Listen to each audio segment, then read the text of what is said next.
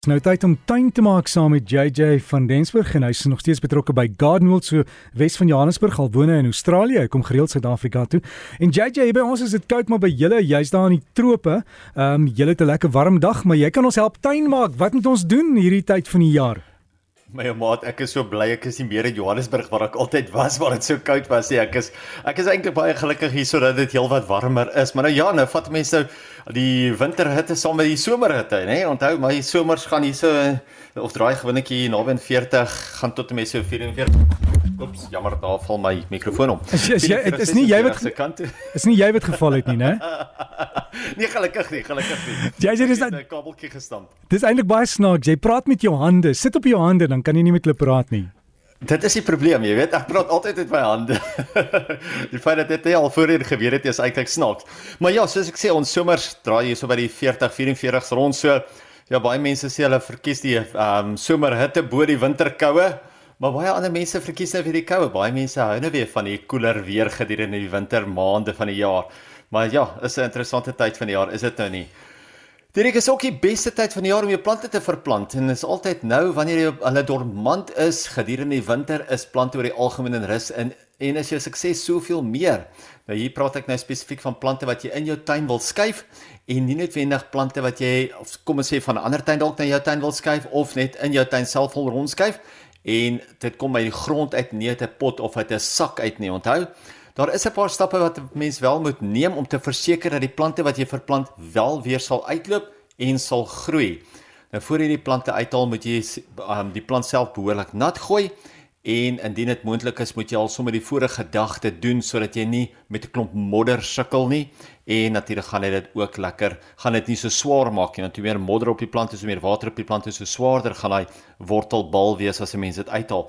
Dit is beter om eers voor jy die plant uitgrou so lank 'n gat te grou waar jy die plant wil plant sodat dit so vinnig as moontlik kan gebeur sodat die wortels nie uitdroog nie. Berei ek so lank die grond voor sodat jy net kan plant as jy die plant in sy nuwe gat het of daar by sy nuwe gat sit. Meng om dit by so 30% kompos by die grond wat jy uithaal en as jy kan 'n waterhoudende produk soos byvoorbeeld 'n silica gel of 'n natuurlike palmveen. 'n Silica gel word deesdae verkoop onder die naam Water Crystals, Excel Gel of Hydro Cash. Dit maak dit deel van jou grondmengsel sodat dit in noue aanraking met die wortels sal wees. Ek sien op YouTube en op al die verskillende video's vat mense sommer die silica gel, meng dit met water en gooi die plant na die tyd daarmee nat. Nou ongelukkig as mense dit doen en die silica gel sien eintlik die son of hy word deur die son gesien dan breek daai UV-strale om heeltemal af, die jelly heeltemal af en dan werk hy glad nie meer nie. So dis hoekom dit be beter is om hom altyd in die grond in te werk. Maar hou matigheid voor oë want as mense te veel insit, dan druk jy ook nou weer soos hy nat word, druk hy eintlik die plant weer uit die grond uit. Uh ek het al gesien hoe dit ook al gebeur. Een van die belangrikste take gedurende enige oorplantings is in die proses is om die balans dieselfde te hou en hiermee bedoel ek eintlik jy met die bogroei genoegsaam terugsny omdat jy die wortels gaan versteur. Ook as 'n mens die plant terugsny, is hy baie makliker om mee te werk en makliker om te hanteer. Merk ook sommer die oriëntasie of altens die kant van die meeste son kry. Nou baie mense kyk dan sê hulle hierdie kant is die noord noordelike kant, die oostelike kant of wat ook al, maar dit gaan vir my meer oor die kant wat die meeste son kry jy wil dit weer so plant dat daai kant weer eens lekker baie son gaan kry. Jy wil nie nou 'n plant 'n kant van 'n plant wat gewoond is aan die skaduwee net omdat hy aan daai kant van die huis gestaan het en dit sy oriëntasie was om heeltemal net omdraai laat hy skielik nou baie son gaan kry nie. Maar dan gaan hy brand. Maak seker dat die kant wat altyd baie son gekry het, weer eens baie son gaan kry. Probeer om soveel as moontlik grond op die wortels te hou as jy die plant uitgrou want jy wil eintlik nie al die grond van die haarwortels afbreek nie. Onthou daai haarwortels is baie baie belangrik. As jy nie weet wat die haarworteltjies is nie, dit is daai fyn fyn fyn wit worteltjies wat gewoonlik hulle self in die grond self vestig, in die grond um struktuur vestig. En as dit nodig is, kan jy die plant op 'n kombers op of op 'n sterk sak oorrol om hom ook makliker te dra. So gaan 'n mens dan ook seker maak dat jy nie die grond van die wortels afbreek nie. Baie mense dink dit is um voldoende om net die plant aan sy stam basies op te tel om te dra, maar nee, want dan sit 'n mens al daai grond wat eintlik dan hang onder aan die plant ruk dan homself van die wortels af. Laaste paar wenke vir plant so vinnig as moontlik. Moenie die plant vandag uithaal en dan eers môre weer plant nie. Of moet ook nie plant met sy blootgestelde wortels in die son laat lê nie.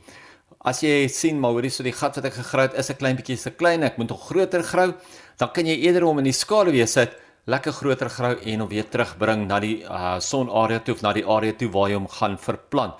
Maak baie goed na, nat na die oorplant. Onthou, hierso kan 'n mens selfs 'n dammetjie maak as jy kan um, om die water wat jy gooi daar op die wortels te konsentreer en meeste van die lug uit te forceer, maar ook nie alles nie want jy wil nou nie die, jy wil hê die plant moet vinnig weer kan ontwikkel. Mens wil meeste van die lug uit forceer dat die grond lekker kontak maak met die wortels, met die haarwortels en die gewone wortels en homself ook behoorlik vestig. Probeer dan ook om die grond weekliks te deurweek. Jy hoef dit nie elke dag of elke tweede dag te doen nie. Mense doen dit gewoonlik nou, jy doen dit oor 3 dae en dan doen jy dit een keer elke week of so. Ek het gesê dit is nou die beste tyd om dit te doen, maar onthou, mense kan dit doen uh of 'n mens moet dit probeer doen voor middel Augustus. Dirk, met dit dat so baie mense in kleiner plekke intrek, wil almal kleiner bome plant en hier is 'n fantastiese voorbeeld wat jy kan gebruik vir ons plant van die week vir hierdie week is die Magnolia grandiflora. Onthou Magnolia grandiflora maak 'n groot wit blomme, dis die grandiflora. Little Gem en dan die variëteit wat deesdae beskikbaar is is die Small Aber Maria.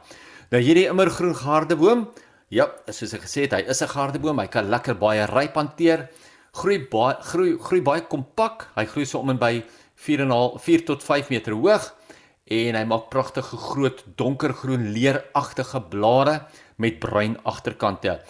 Die mooi is ook die enorme witwasagtige blomme waarvan ek net nou gepraat het wat so vanaf lente dwars deur die somer gevorm word.